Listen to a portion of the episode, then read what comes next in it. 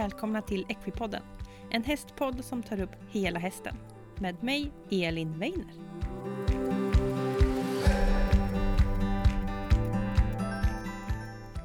Hej alla glada Equipodden-lyssnare och välkomna till veckans avsnitt.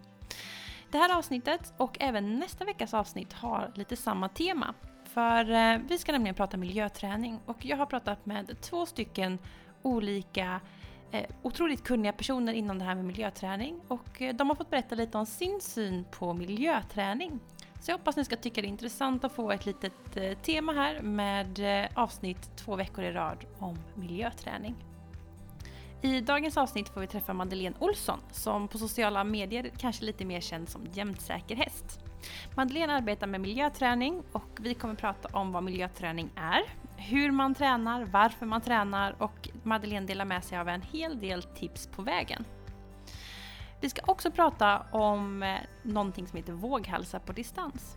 Och det är ju så att vi lever i en pandemi och förra året var ett rätt tråkigt år när vi inte kunde göra så mycket och nästan alla tävlingar blev inställda.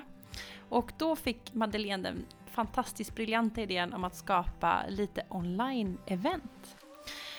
Eh, hon berättar lite om vad våghalsar på distans är, eh, hur man gör, hur man är med och eh, all den fantastiska inspiration som hon har fått av det. Så med stor glädje så tycker jag att vi startar igång veckans avsnitt.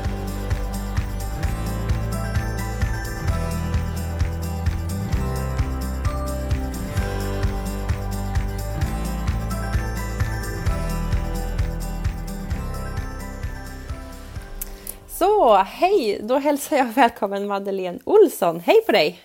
Hej, vad kul! Kul att du vill vara med i podden. Hur mår du idag? Jag mår jättebra. Det är 30 minusgrader här uppe i Åre kommun idag. Fy vad kallt! Ja, soligt och fint och jättefriskt. 30 minus. Ja, det har det varit. Hur mycket kläder har man på sig då? Ja, eh, lager på lager och ull under. Jag förstår det. Eh, superkul att du vill ha med i podden och eh, Madeleine heter ju du, men på Instagram så har du kanske ett lite mer namn som fler lyssnare känner igen. Där heter ju du Jämtsäker, eller hur? Mm. Jajamän, det gör vi. Och eh, du håller på med lite miljöträning och är ju också den skaparen bakom Våghalsar på distans som har varit ett väldigt populärt online-event nu under eh, coronatiden. Mm. Jajamän. Och det har varit jättekul att se massa spännande videos och utmaningar och jag vet inte allt som folk har hittat på på Instagram videos och Facebook och allting. Det ser ju hur kul ut som helst. Ja, folk har så bra fantasi. Det är, det är helt fantastiskt. och det, vi ska prata lite om, vi ska återkomma till det och prata om det här online-eventet, vad det är för någonting och, och sådär. Men vi ska också prata en del om miljöträning. Mm. Eh, men jag tänkte att du kunde få börja med att berätta vem du är. Ja, vem är jag? Madeleine heter jag, kallas för Madde då och är 29, fyller 30 nu om en månad. Ehm, Och jag bor i Åre kommun, i Järpen och har en nordsvensk idag. Ehm, Haft mer hästar förut men nu är jag ensamstående mamma till en tjej som fyller fyra i sommar. Mm. Så nu är det bara en häst. Ja, det räcker kanske. Ja, just nu så gör det det.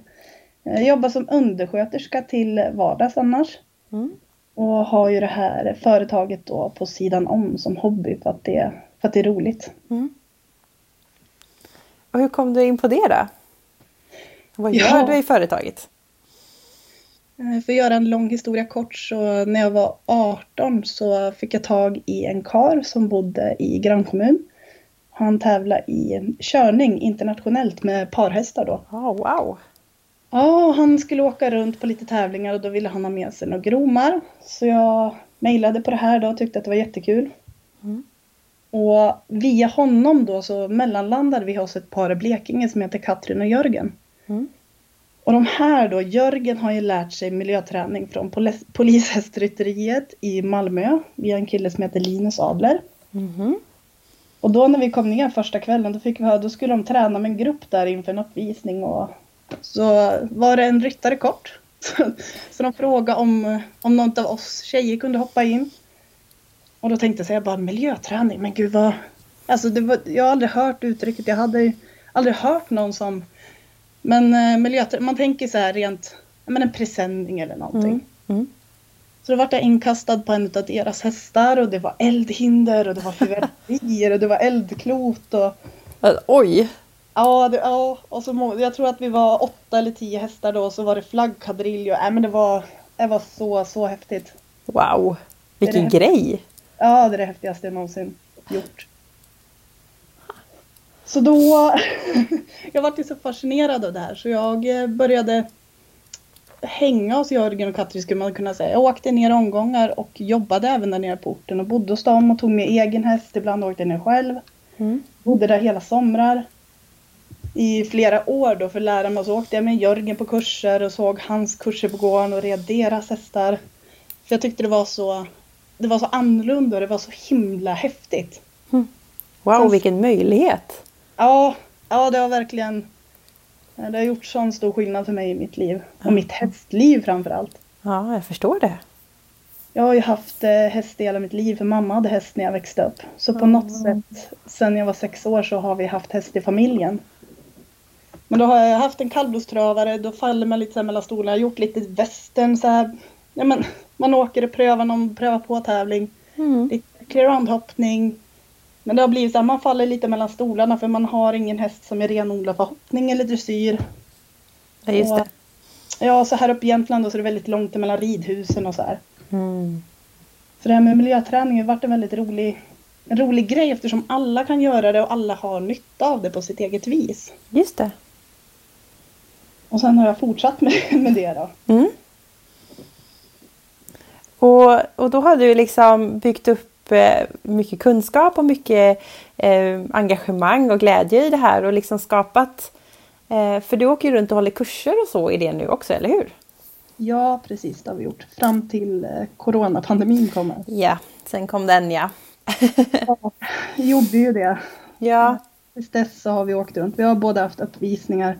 Vi höll ju på i ganska många år först. Jag tror vi höll på en tre, fyra år höll uppvisningar med våra hästar på mässor och grejer där vi åkte runt och så visade vi eldhoppning och smällare och presenningar och flaggor och så här. Mm. Mm. det tog nog ändå ett par fyra år innan vi hade egna träningar för det är så stor skillnad på att träna sina egna hästar och möta andra ekipage mm. som man ska träna som man inte känner och inte vet bakgrunden till. Just det.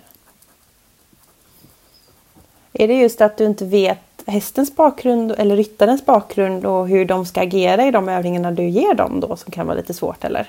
Ja, dels det och sen är det ju så också att det är ju ofta har vi fyra ekipage i varje grupp. Det brukar vara lagomt i ett normalt ridhus. Just det. Och då har man ju inte bara ryttarens förutsättningar och bakgrund. Du har hästens förutsättningar. Sen har du kemin mellan de två. Ja. Och sen har du kemin mellan alla fyra ekipage där också. Just det.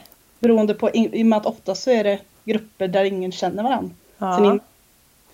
Så det, det är alltid spännande att se. Jag brukar säga att första steget är att komma till kursen, gå in i ridhuset och bara gå runt och landa. Just det. Ja, man och, tänker ju inte alltid på det men hästar är ju ändå flockdjur och de har ju någon slags tanke kring wow, det är en annan häst sådär, hur ska jag agera till den? Ja men det är ja, verkligen så. Verkligen så. Eh, och hur andra ryttare, för kommer in en häst som går på bakbenen för att ofta så, vi har ju ställt ut saker i hela ridhuset. Ja, det är chock redan in alltså. ja, lite, första åren jag höll på så ställde jag alltid ett hörn för att det är lättast, det är mindre att bära. Mm. Men då blir det ju det här klassiska, men som ett domarbord på en. Ja, precis. Det är det läskiga hörnet liksom. Ja. Så det märkte jag fort att om man spred ut det över hela ridhuset så. Mm. Det blir ju lättare. Men hästen har ju som, eh, som ett kameraobjektiv, den kan inte fokusera på hur mycket saker som helst samtidigt utan då ser den sakerna en och en när den kommer och går. Ja, just det. Men då har man ju de andra ryttarna, för en del leder ju och en del rider. Mm. Och då beror det också på hur de reagerar sig på att en häst kanske kommer in och går på bakbena. Mm. Någon kanske behöver longera sin häst en stund så den kommer ner i varv. Mm. Um, så det är så mycket att, att tänka på en sån där gång. Jag förstår det, verkligen. Men tycker du om att hålla kurser och träningar och sådär? Ja, ja. Det är, det är det roligaste som finns. Framförallt det här att det är så himla prestigelöst liksom. Ja, ah, just det. Målet med kursen är ju bara att man ska få mer vetskap om sig själv som ryttare eller handler då. Mm. Tillsammans med sin häst i och med att man är ett team när man kommer in där som ekipage. Just det. Och att man kanske kom därifrån med några, att man åtminstone haft kul men helst också med nya kunskaper. Men mm. hästen behöver ju inte gå i någon speciell form, man behöver liksom inte kunna några speciella rörelser. Så det är väldigt prestigelöst och man kan vara sig själv. Det är ju härligt. Det är väldigt härligt och väldigt viktigt också. Ja, jag tycker. Hästvärlden är ju så, inte begränsande ska man säga, men det finns ju väldigt många mallar beroende på vilken typ av sport man väljer, om det är hoppning eller dressyr eller vad det nu är. Ja precis och så har man sina traditioner i sina grenar på något sätt. Ja och begränsningar till TR och så här. Så. Exakt, exakt som man behöver förhålla sig till. Ehm, men vi är inne lite på det här. Ehm, men miljöträning är ju någonting för alla, beskriver du ju här. Kan du beskriva lite så här, vad är miljöträning för dig? Liksom? Vad, när, du, när du hör ordet miljöträning, vad tänker du då? För jag tror att folk tänker väldigt olika när man hör det ordet. Ja, min första reaktion var ju som sagt då en presenning. Det var det jag tänkte. ja. det var det jag fick upp framför mig, för det är ofta det man ser också. Man säger så här, men vi har miljötränat hästen, då är det en presenning som man går på eller över eller så här, drar över hästen. Så. Just det. Men idag har det väl blivit mer ett sätt att eh, förhålla mig till min häst och framförallt till mig själv och hur jag tänker i trängda situationer mm. med min häst. För förr eller senare så hamnar vi alla där. Um, man kanske sitter och rider på banan och någon ramlar av. Den hästen skenar. Mm. Man är ute och rider, man kanske möter en lastbil eller ja, Gud förbjude postlådor liksom. Ja, eller hur. Ja. Postlådor och soptunnor, det är bland det värsta som finns. Ja, jag hade en häst, en av mina tävlingsdressyrhästar, hon var inte rädd för mycket, hon var riktigt sån där klippa i alla lägen men brevlådor klarade hon inte av och så red jag i ett eh, sånt där kolonilottsområde och då var det 20 på en rad. Det tog ett tag innan vi kom förbi kan jag säga, och lukta på alla så. och, så. och så går man på en vägren så, så har man vägen på andra sidan och postlådorna på ena sidan. Ja eller hur. Så vi så här, hålla på ett rakt spår. det blir svettigt. Ja. Eh, jag tänkte koppla tillbaka, du sa lite att kan hamna i trängda situationer och det förstår man ju att det kan vara någonting som eh, yttre påverkan sådär. Och då mm. sa du att du är förberedd hur du tänker. Eh, vill du förklara det lite grann, liksom ditt mindset och hästens mindset? Ja men verkligen så. Först måste man ju liksom, beroende på vad man har för häst, men bryta ner och kolla på vad är mina rädslor och vad grundar sig de i? Mm. Och vad är hästens rädslor eller trauman och vart kommer det ifrån? Mm. För på kurser så är det ofta så, hästarna är väldigt ärliga med, de säger ju på en gång så här, okej okay, jag är rädd för bron här. Så är det med det. Medan jag som ryttare eller händer går där och bara, åh, jag är rädd för postlådan på grund av att det här hände för tio år sedan och då ramlade jag av och så. Just det. Hästarna tänker ju ganska enkelspårigt man jämför med hur vi människor tänker. Vi tänker så mycket längre och djupare. Mm, mm. Ofta då så slutar man andas, mm. drar axlarna, så spänner man händerna. Eh, och det här brukar, oavsett om det leder hästen eller rider, just det här att man slutar andas och spänner ihop hela axelpartiet. Då har du förmedlat det till hästen genom antingen tyglarna eller grimskaftet. Mm. För ofta så gör man ju det även om man inte tänker på det när man blir spänd eller orolig. Att mm. man tar tag i hästen då för att man ska vara beredd på att fånga upp eventuell reaktion. Mm. Och då har vi redan där förmedlat till hästen att du var på spänn för nu är det något skumt på gång. Just det. Så när jag är ute och rider så att jag möter en skoter så vet jag att min häst är inte jättebekväm med skotrar. Då försöker jag först börja hos mig så här, för ofta så reagerar ju vi innan hästen har reagerat. Just det. För vi på något sätt vet att okej, okay, det där låter som en skoter, det låter som att den typ kommer hitåt eller jag vet att de brukar åka här. Ja. Och så reagerar jag. Ofta så, en del hästar reagerar ju redan då, men då kan man ju ha, känna det redan att nu hör jag ett ljud som eventuellt kan vara på väg och mm. min häst kan eventuellt bli rädd. Just det. Och det som händer då är att vi eh, utsöndrar ju feromoner som hästarna känner lukten av. Våran hjärtklappning går ju upp, vi spänner till man kanske gräver ner sig i sadeln. Um, hästar är ju så känsliga för så små signaler. Mm. Så de känner ju av väldigt tidigt att ja, okej, så här brukar ju inte min ryttare eller min handler. Hon brukar inte gå så här när hon är avslappnad och mår bra liksom. Just det. Så nu är det, nu är det bäst att vara lite på tårna här ifall, ifall det är något som är farligt. Mm. Mm. Eh, upplever du oftast om man har ett problem med sin häst att den är rädd för någonting eller man, man hamnar i situationen, tycker du att det oftast är att ryttaren då eh, är lite orsaken eller lite grunden i en del av de rädslorna hästen visar? Eller är det att hästen blir rädd för saker och ryttaren reagerar? Det där är så himla individuellt. Eh, det är verkligen från ekipage till ekipage. Mm. Gemensamma nämnaren i det hela tycker jag oftast är att man kan se att det är bristen till tillit på sin egen eh, förmåga. Mm. Eh, både hos hästar och hos människor. Mm. Lite förenklat så här dåligt självförtroende. Mm. Att man känner att den här situationen kommer inte jag klara av. Så nu är det bäst att jag tar mig ur den smidigast möjligt, lättast möjligt. Ja just det, och det kan vara typ ner i diket då? Ja, eller vända om eller sitta av eller vad tusan som liksom. Mm. Istället för att man sitter där och bara okej okay, men det här kommer gå bra. Eh, jag spänner inte tyglarna. Jag tänker inte ta hårdare min häst. Jag andas. Eh, och så får vi se vad som händer. Så, hanter, så litar jag på att vi kan hantera situationen när den kommer. Mm. Det låter svårt att träna upp det här. Ja, det, det är inte alls så lätt som det låter. Nej. Jag säger sådär, nej men ta bara ett djupt andetag och så känner man, nej det, det är mycket som hinner tänka i huvudet här. Um, kroppen har ju redan börjat reagera och då ska hjärnan liksom övertyga kroppen att nej men vi behöver inte förbereda oss för den här flight-läget för det är det kroppen gör. Den förbereder sig på flykt liksom. Just det. Och då har kroppen redan reagerat och då, det, ja, då har ju redan reaktionen skett till hästen liksom. Ja, flykt. Alltså, antingen så ska man ju fly eller så ska man ju slåss. Mm. mm. Men det, det, går faktiskt att träna hos sig själv väldigt mycket, speciellt med att sitta och visualisera och känna att man själv litar på sig själv med hästen, att man mm. kan hantera situationerna. Mm. Mm. Just det. Um, är det så att alla har nytta av att miljöträna, tycker du? Ja, absolut.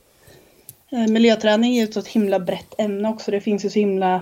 Man kan ju miljöträna hemma med en presenning. Mm man kan miljöträna borta med hopp och eld. Det är ju så... Miljöträning är ju som inte en box utan det beror ju på hur man... Vad som passar. Man gör det man tycker passar ekipaget. Just det.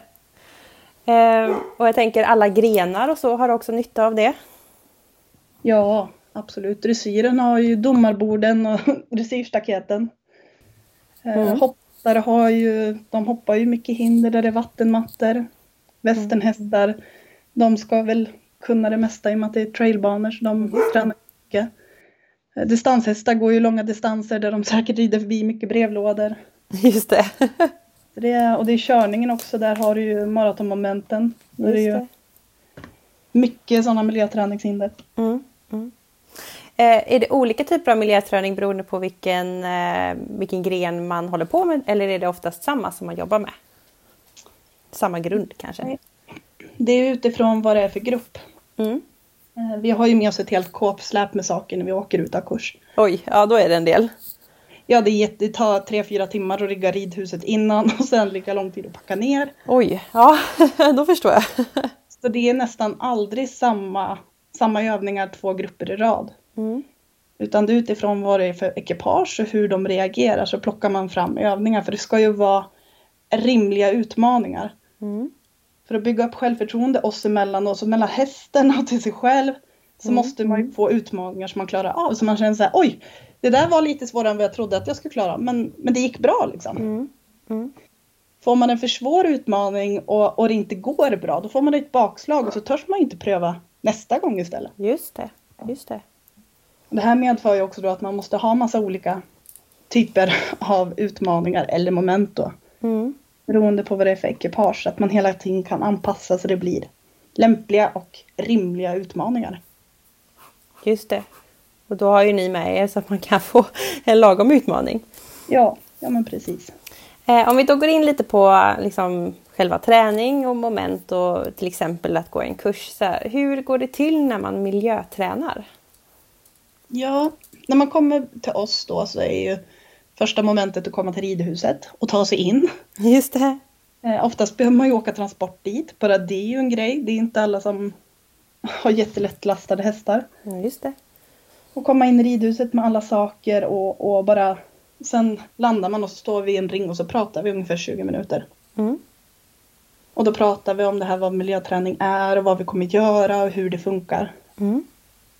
Och sen brukar vi börja med flagga eller presenning. Lite beroende på vad vi har för hästar. Mm. Då får man också se. Har man en grupp där vi står och pratar så har vi hästar som far omkring, omkring, omkring. Mm. Ehm, Eller om vi har en grupp med hästar som står still och gäspar. Mm. Det beror lite på vad det är för energi i gruppen. Just det. Men grunden kan man väl säga, det vi gör först är att kolla av broms och gas. Mm. För om vi inte har broms och gas, då kommer vi få problem. Mm. Då funkar ju ingenting om vi inte får hästen att gå framåt, om vi inte får hästen att lyssna när vi säger att ja, men nu ska du stanna. Mm. Och oftast brukar det ju vara gasen där som man får renodla lite grann eller jobba på. Så att man Mm. säger att ja, men när man säger åt hästen att nu är det framåt, då ska de reagera fort. Att ja, nu är det framåt. Och Just så iväg. Mm. Mm. Annars så har man ofta en häst som står i ett hörn och backar eller snurrar. Just det. Ja. Det är ju så att när vi sätter energi i hästen genom att be den att röra på sig. Har vi en häst då som bromsar som kör med handbromsen i som en bil. Då börjar ju den backa och så snurrar den och Ja, sen finns precis. det de hästar som får energin åt sidan, som kastar sig till höger eller till vänster. Mm. Och sen har vi de där hästarna som får energin rakt upp, som stegrar. Japp. Eller de, japp, eller de som får energin framåt, som kastar sig eller ja, gör sina race och sen stannar de upp emellan. Mm. Så det första man gör är att man går bara i cirkel. Och så känner man av vad det är för hästar var. Mm. Paraply brukar vi köra då, att man ska gå förbi ett paraply. för att bara se vad det är för typer av hästar vi har. Och här paraply pla- placerar man först lågt och sen högt. Mm. Där också för att checka av, har vi huvudskygga hästar eller har vi markskygga hästar i den här gruppen? Ja, just det. Så att om det ligger hästar som blir lite reagerar när det ligger på marken, då är det en markskygg häst. Eller om man håller det högt, att den då skyggar för det. Ja, precis. Just det, intressant. Vi brukar kalla det för björnar eller myrstackar brukar vi säga. Ah, smart. Myrstackar med allt som är under boghöjd, då är de rädda för saker på marken då. Mm. Och allt som är ovanför bogspetsen är björnar brukar vi säga. Och den här hästen är mest rädd för björnar, den här hästen är mest rädd för myrstackar. Och det där är en väldigt enkel sak att ta med sig tänker jag. Alltså en väldigt bra vetskap att ha om- sin häst. Eh, om det är, om den generellt sett är rädd för saker högt eller lågt. Det måste vara en väldig aha-upplevelse för många, eller? Ja men det är ju det. Eh, många säger när de kommer in att ja men nu har jag gått två kurser, får jag en bombsäker häst då? Eh, nej, det kommer du ju inte få för det är ju flyktdjur vi jobbar med. Mm. Och sen får vi också ha med oss att det beror ju på vad du har för häst. Eh, Är den avlad på mycket blod? Får den mycket foder? Det är klart då kommer den ha mer energi. Mm. Men man kan få med sig en vetskap om hur hästen reagerar för alla hästar reagerar ju olika. Mm. Eh, På olika sätt kastar sig eller far iväg eller en del stannar och tittar, en del backar. Mm. Och sen också en vetskap om att ja, men här kommer en postlåda men min häst är faktiskt inte så rädd för saker som är ovanför bogen. Utan Mm. är mer rädd för broar och saker på backen. Just det. Så det är jag som är rädd för postlådan, inte min häst som är rädd för postlådan. Just det, just det. Intressant. Och om man då skulle tänka sig att man går förbi det här paraplyet som ligger på marken och så har man en häst som reagerar på något sätt. Hur ska jag tänka som handler då? Eh, Jag brukar ju alltid ställa upp eh, koner. Mm. Så du tänker att eh, du kommer få som en bana längs med ridhusväggen. Så jag ställer upp koner så det blir som ett spår med ridhusväggen och så ska du ta det mellan ridhusväggen och konerna. Mm. Och då kommer jag börja med att stå med paraplyet och bara hålla in till mig och så får man gå på, för redan där brukar hästar börja reagera. att, ah, okej, nu står det koner här, det var ju jättekonstigt. Just det. Och sen kanske man lyckas fälla upp det här då ovanför huvudet, brukar vi börja. Och eh, många hästar stannar ju det första de gör så här. Tittar, men gud vad är det som händer? Då har vi reaktion. Ehm, Och då handlar det också om att ge dem det utrymmet att få reagera och titta lite. Sen ska de inte stå och titta hur länge som helst. Och det är så viktigt där också att man inte säger så här, ja men eh, duktig kille eller klappa dem eller ge godis redan där. För då har man ju reagerat, belönat att de reagerar. Just det. Utan att de får titta och sen är det så här, ja men det, det är ingen stor grej liksom att nu går vi förbi. Mm. Vill de stanna och undersöka, för det är här också, hästar har ju olika sinnen, de reagerar på olika sätt. Mm. Del hästar ska som småbarn, de tar på allting med mulen liksom. Pillar och, och, grejer. Mm. Mm. En del hästar tycker om att röra på sig, de springer förbi. En, ja, det är så olika reaktioner. Mm. Men då får de ju gå några varv. Och då tycker jag att första så här två varven, ja men om de reagerar jättemycket, det är okej för en ny grej. Mm. Men sen eftersom när vi ändrar den här övningen, för sen när jag sätter mig ner då blir det ju en ny, det är samma övning men för hästen är det en helt annan, då ändras alla förutsättningar. Mm. Då kommer vi se, de kommer inte orka lägga hur mycket energi som helst. Det är ju faktiskt så att hästar är flyktdjur också. De vill inte hålla på och slösa hur mycket energi som helst egentligen. För de vill ha lite kvar ifall de behöver det för att bli rädd. Ja, precis. Sen eh, börjar vi vänster varv. Då har vi använt ena hjärnhalvan. Ja, just det. Sen när vi byter varv, vet ju alla hoppryttare, man sitter och rider ett hinder i vänster varv och så ska man bara avsluta ett i höger. Och så har man bytt eh, varv helt plötsligt. Ja. Bytt hjärnhalva. Ja. Så bara för att den inte reagerar i vänster eller för att den reagerar jättehårt i höger, i vänster så kan det bli tvärsom i höger då sen. Just det. De hjärnhalvorna sitter ju lite ihop på hästar fast inte så mycket. Så det, det är ju nya saker för dem när det kommer från olika håll. Ja, jätteintressant det där. Ja, verkligen. Eh, Men då om man tänker att hästen reagerar på det här paraplyet eh, och så blir det liksom mindre och mindre. Så när det är lugnt, det är då man ska börja berömma eller hur tänker man då? Ja, men när man ser att hästen eh, släpper spänningar, när de sänker halsen, de frustar, de tuggar. De kanske tar något travsteg och då ser man att det är, så här, det är glädje i de här travstegen. Att de liksom skakar av sig spänningar och Just det. kanske vila, de tar ut steget längre, börjar liksom pendla med huvudet med steget. Eh, Där någon gång tycker jag när man liksom ser att hästen släpper ut och börjar andas igen. För ofta också så här går de och håller andan när Mm. de funderar på vad det är som händer. Mm.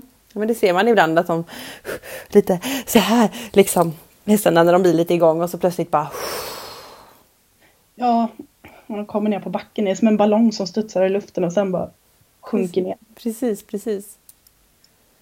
Eh, och jag tänker liksom, då har man ju tränat på liksom en övning. Hjälper om man liksom jobbar till exempel med paraply eller eh, man kanske gör något annat. Eh, i, liksom I längden, jag tänker mig att man vill ha en trygg och säker häst. Är det att man behöver arbeta med många övningar och försöka få liksom en, en trygghet eller är det mer att hästen blir van på att vad som helst kan hända? Eller vad, vad, vad leder det till sen? Förstår du vad jag menar? Ja, absolut. Och det där beror ju lite på också vad vi har för ekipage. Hur mycket sitter i mig? Vad, är jag som signal- vad signalerar jag till hästen? Mm. Eh, och sen vad har jag för typ av häst? Hur går den på lösdrift? Går den på box? Hur mycket foder får den? Hur mycket känslomässigt behov av eh, äventyr och utmaningar har min häst? Mm. För det är lite så också att en del hästar är ju faktiskt bara uttråkade. Mm. Och då blir det helt plötsligt väldigt spännande med ett paraply eller en presenning. Mm. Om man står och har massa bunkrad energi och inte har sett så mycket på några veckor så kommer det ett paraply där, då är ju det jätteroligt. Ja. Men har man då en häst som motionerar så den är tillgodosedd och inte har massa överskottsenergi och så kanske den är lite van vid olika, ja men ibland så poppar det upp ett paraply, ibland är det en kudde. Mm. Ja men igår gjorde vi någon presenning där så då blir de inte lika chockade för de vet också att ja, men min människa är lite tokig och det händer lite olika saker så jag behöver inte bry mig så mycket i det. Det är Ja, ingen stor grej liksom. Det är lugnt ändå liksom. Ja, och så gärna också att man får det förknippat med att det är något positivt, att det är något lekfullt. Mm. Att från att jag kanske är dressyrhäst eller körhäst och så har jag, ja men då ska jag göra min arbetsuppgift till att, ja men när den här kudden kommer fram eller presenningen vad det nu kan vara. Då kan man latcha runt lite, man kanske kan släppa hästen på ridbanan och springa lite eller Mm. Mm. man behöver liksom inget, inte prestera så mycket. Så att det Just blir det. kul. Ja, jätteviktigt att ha lite kul. Ja, bara få släppa det där att man måste göra massa saker efter en regelbok. Liksom. Att man bara får, får vara med sin häst och ha roligt. Eh, jag, jag tänker när man hör lite så här eh, så tänker jag att ja, men det här låter fantastiskt, det lät jätteroligt och det låter så lugnt och härligt när du berättar det. Men man vet ju också att hästarna kan ju slå över och hästar är hästar och du har ju sagt det här också flera gånger att hästar är ju ändå flyktdjur. Det kan ju bli lite läskiga och farliga situationer i det här. Eh, vad tänker du? Är det, ska man försöka träna sånt här själv? Eh, eller kan det bli farligt? Och ska man försöka ta hjälp om man känner att man vill göra miljöträning? Ja, alltså framförallt så är det ju så att man inte tränar hästen, eh, att du ut, ut, utsätter individen för miljöträning när den inte är van. Mm. Hästar är ju flyktdjur, de är flockdjur. De är väldigt, väldigt påverkade av vilka andra hästar de har runt sig. Mm. Så om du tar in din häst på ridbanan så slänger du fram en presenning och en kudde då kommer den där hästen känna sig väldigt osäker och väldigt ensam. När det blir något helt nytt. Det bästa är om man kan träna i grupp då. Mm. Om man har med sig en häst som man kanske också vet att ja, men den här är lite äldre och han har varit med. Han har varit med ett tag. Mm. Ger inte på så jättemycket. För de tar ju väldigt, väldigt mycket intryck av varandra. Mm. Mm. Det ser man ju på gruppen också när det kommer in, även fast de inte känner varandra. De checkar jag varandra på en gång. Mm. Ja men du är lugn, då hakar vi på dig. Ja men precis. Så brukar det bli så också när man börjar med presenning. Då kan det bli som en korvstoppning. Man har en häst som slår tvärstopp. Kommer lätt och kollar på den och bara nej jag tänker inte gå förbi. Så två som slår tvärstopp. Ja. Och så kommer en tredje och så bara ja ja men det är ingen fara. Då går vi över. Så hakar de andra på, på och sen så bara snurrar det på igen. det där känner jag gärna att det blir stopp, stopp, stopp och så kommer den där Brunte liksom. Yes! Ja. alla okej okay då, vi, vi går, vi går. Nej men framförallt så tycker jag väl att man ska se över så att man kanske ja, men är på en ridbana eller något stängt område. Mm. Att om man skulle ramla av eller tappa sin häst så försvinner den inte iväg. Just det. Sen också tänka på hur placerar jag mig och i vilka situationer. Mm. Eh, vi jobbar ju mycket för, hela vår miljöträning handlade om att vi inte provocerar tryck på en häst. Mm. Det här är ju rätt mastigt men i kort och gott så handlar det om att när vi hanterar hästar så det, det första vi lär dem i princip är att om jag trycker här flyttar du dig ifrån det. Just det. Mm. När du lägger på skänken så vill ju du att hästen flyttar sig framåt eller åt sidan. Ja. Och då blir ju belöningen när man tar bort skänken då att ja, men det blir en eftergift. Precis. Mm. Så när man börjar med miljöträning så måste man tänka på vart sätter jag tryck och hur, hur kommer det ut? Mm. Om du ställer dig så ska du träna din häst med en flagga och så börjar du flagga över hästens huvud eller går mot hästen med flaggan. Mm. Då blir ju det indirekt att du går med en plog mot hästen för du håller i flaggan som är ny och läskig. Mm. Hästen kommer ju flytta sig från den här flaggan då till varje mm. pris. Mm. Och ja, men kontra då att du lägger ut en presenning, då blir ju presenningen trycket. Just det. Den kommer flytta sig ifrån. Vad intressant, så har jag aldrig tänkt riktigt innan. Det var ju väldigt, det, det är klart, jag ser ju det framför när, när någon går med flaggan så att det blir ett tryck och då är det klart att hästen backar. Hur gör jag för att vända det då? Ja, men det bästa är ju om, om, säg flaggan då, det blir väldigt lätt. Det är ju svårare om man tar något som är fast som presenning eller postlåda. Mm. Men den här personen som går med flaggan då, eller vad det nu är, prisrosetten eller vad det är som är farligt, om den personen kan gå från hästen. Ja, just det. Då kan hästen få tralla efter. Säg att du som ryttare manar på hästen att gå efter då. Mm. Då flyttar man ju helt plötsligt trycket ifrån hästen. Det är hästen som trycker den här plogen framför sig istället. Ja, det känns ju tryggt och bättre såklart när man är häst. Ja, men då blir det, det brukar, man brukar se direkt på hästen att det blir lite mer spännande att följa efter. Då. Mm.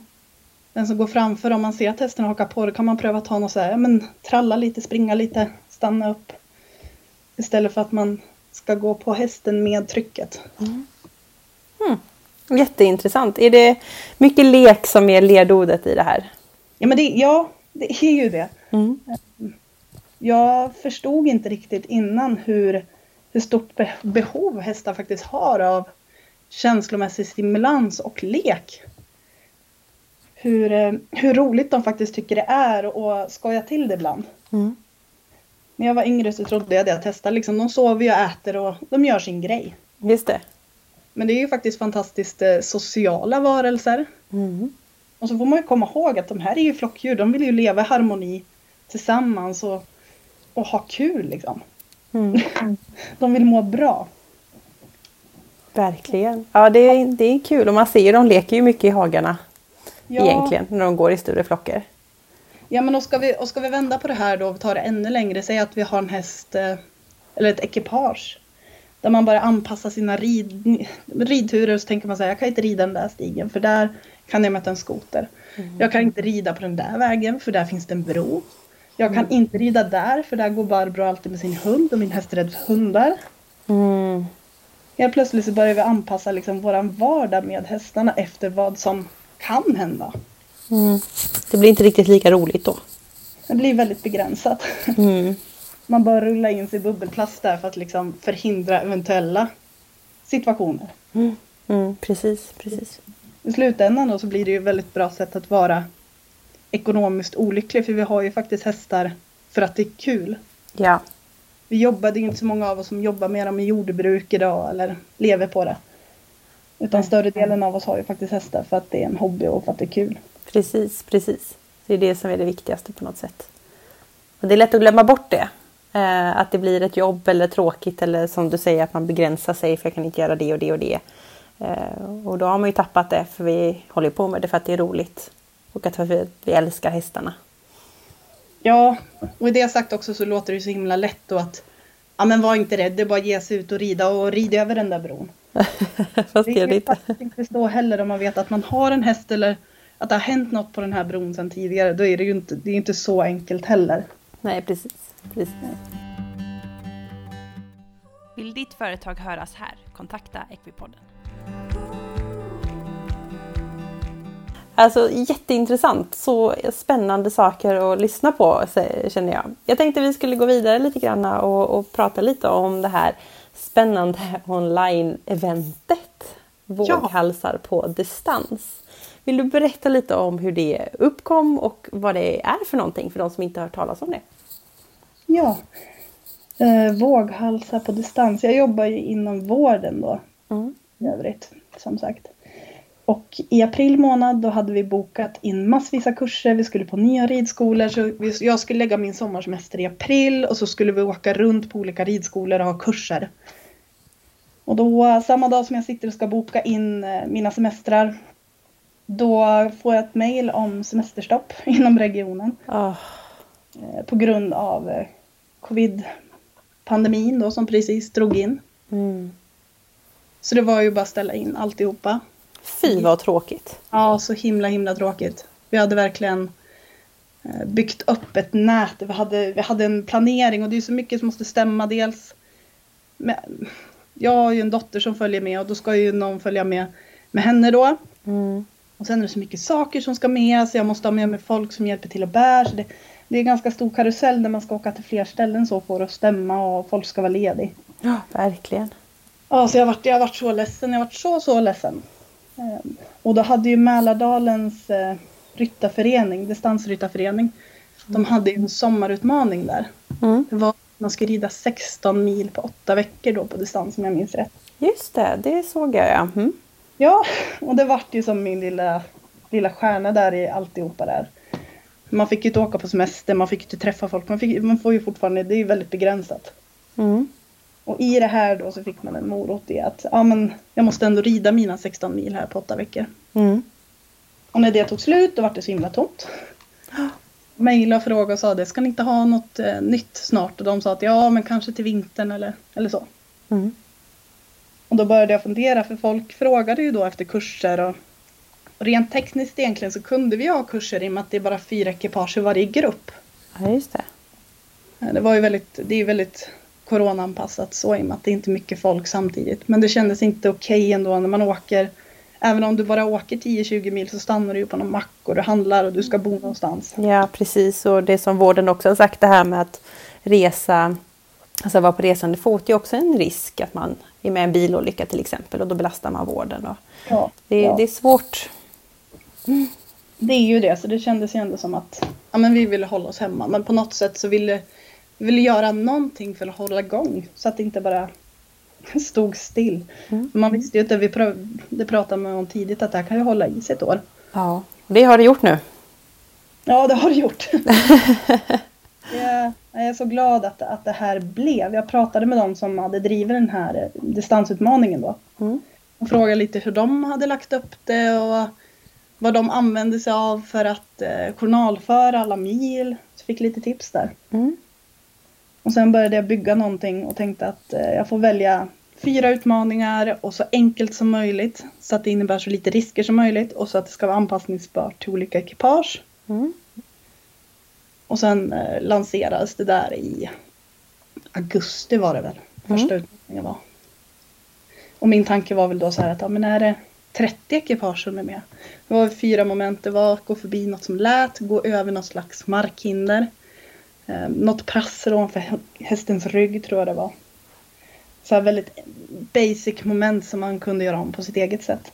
Ah, så man kan göra vad man vill av det som var din grundutmaning så att säga.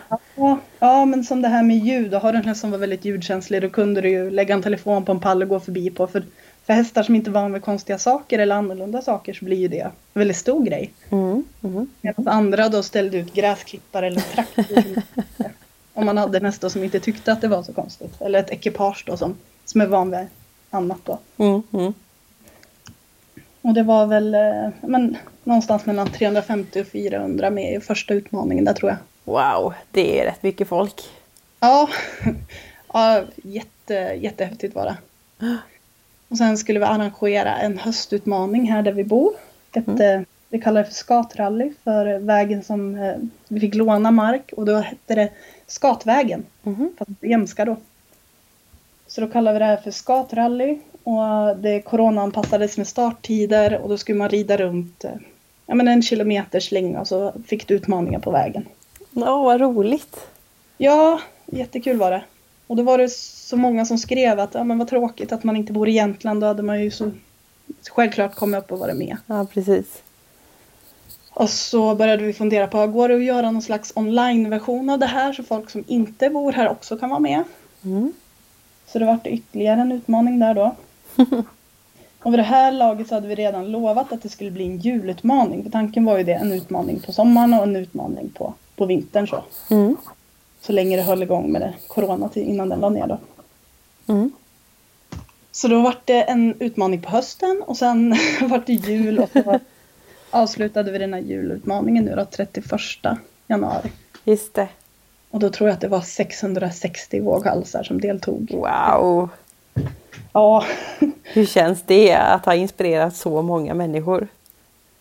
Fast det är ju tvärtom. Det är ju de, det är ju de med deras fantasi som inspirerar mig. Det, det är det så kul att se. Ja. För er som Mm. lyssnar på det här kan jag ju tipsa om, för det, ni har ju en, eh, en hashtag på Instagram till exempel som är just våghalsar på distans, eller hur? Ja. ja. Eh, där finns det mycket roliga videos kan jag säga. Jag som har suttit en stund och tittat. Vi har ju även en Facebookgrupp där de här utmaningarna har eh, hållits. Eh. Våghalsar på distans. Och det är så kul att gå in och titta på hur folk eh, tolkar de olika momenten på sitt olika sätt. Och det är jätteinspirerande mitt i allt det här med, med en begränsande pandemi. Mm, mm. Och det blir en utmaning till som är på gång ganska snart va?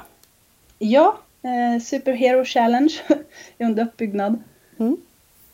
Och tanken är väl, eh, den julutmaningen vi hade nu den fokuserade ju mycket på att utmana människorna och handlarna i Mm. utmaningen.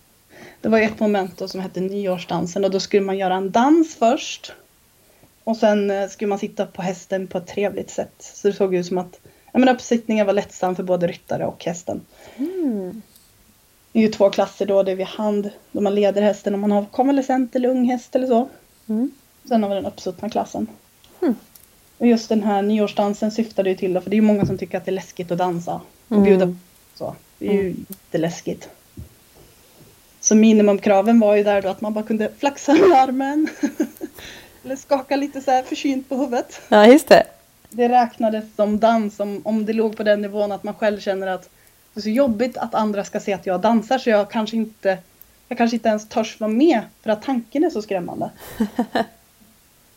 och sen hade vi ju de som gick all in med musik och klädde ut sig. Och, ja, men så, så roligt, jätteroligt. Superinspirerande ju. Tanken med den här utmaningen som kommer nu är väl att den ska vara lite mer fysiskt utmanande.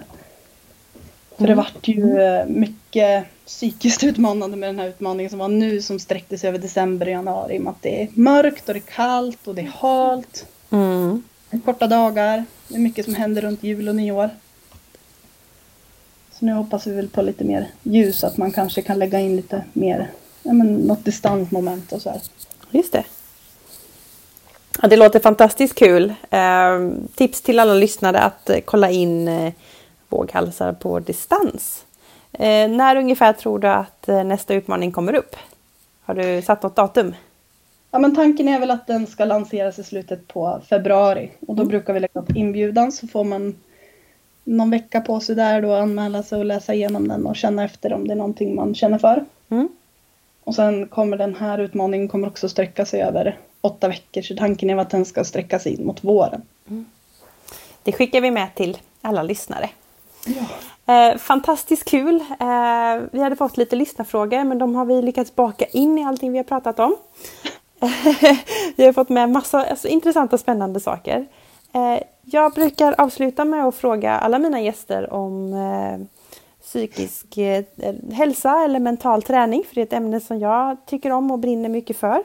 Gör du någon mental träning eller någonting för att få dig att må bra psykiskt?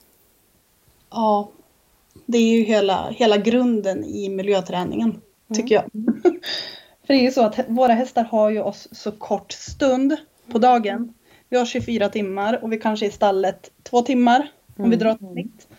Eh, om man är mycket i stallet kanske man är i stallet fyra timmar men på de här 24 så är det ändå så att vi är inte hos hästen så stor del som, som dagen är. Om man då ska åka till stallet och vara stressad eller grinig eller man är arg över att man har bränt lasagnen eller vad tusan det är.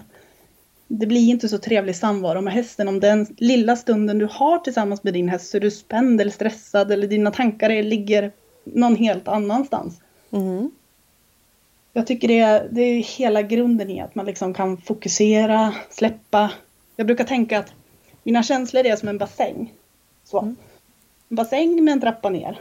Och det är väl fint att ha mycket känslor. Men i slutändan så är det ju så när vi blir provocerade eller vi blir irriterade, vi blir arga, vi är trötta. Då befinner man sig i de här känslorna av att vara irriterad, arg, provocerad, trött. Mm. Då brukar jag tänka att ja, men nu har jag haft en jättejobbig dag på jobbet. Egentligen så är jag jättetrött och är stressad. Men nu klättrar jag upp i den här bassängen och så ställer jag mig på kanterna för nu ska jag faktiskt vara hos min häst. Mm. Och min häst förtjänar den bästa versionen av mig. Den här lilla, lilla tiden som jag är hos min häst. Vad fint sagt! Ja, men... Det är så himla sant det du säger. Ja, och det är också som där hela miljöträningsgrejen. Det är ju det är inte bara bara att göra. Det är inte så jäkla lätt liksom. Mm.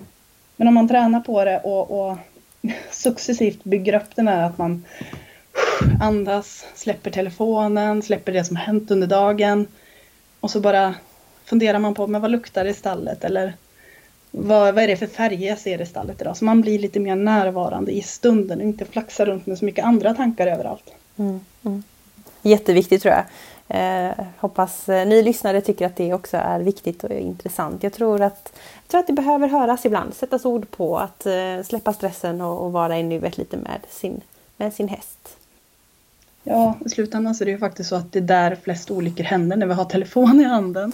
Yep. Eller funderar på något annat eller står och tittar på något annat för att man inte är med i stunden. Precis, precis. Eh, Madde, tack så jättemycket för att jag har fått eh, prata med dig här i en riktigt bra stund och fått lära mig massor om eh, miljöträning och tänk. Eh, jag hoppas ni lyssnare tyckte det här varit intressant. Eh, tack så jättemycket för att du har tagit dig tid att vara med i Equipodden. Ja, tack. Det var jättekul.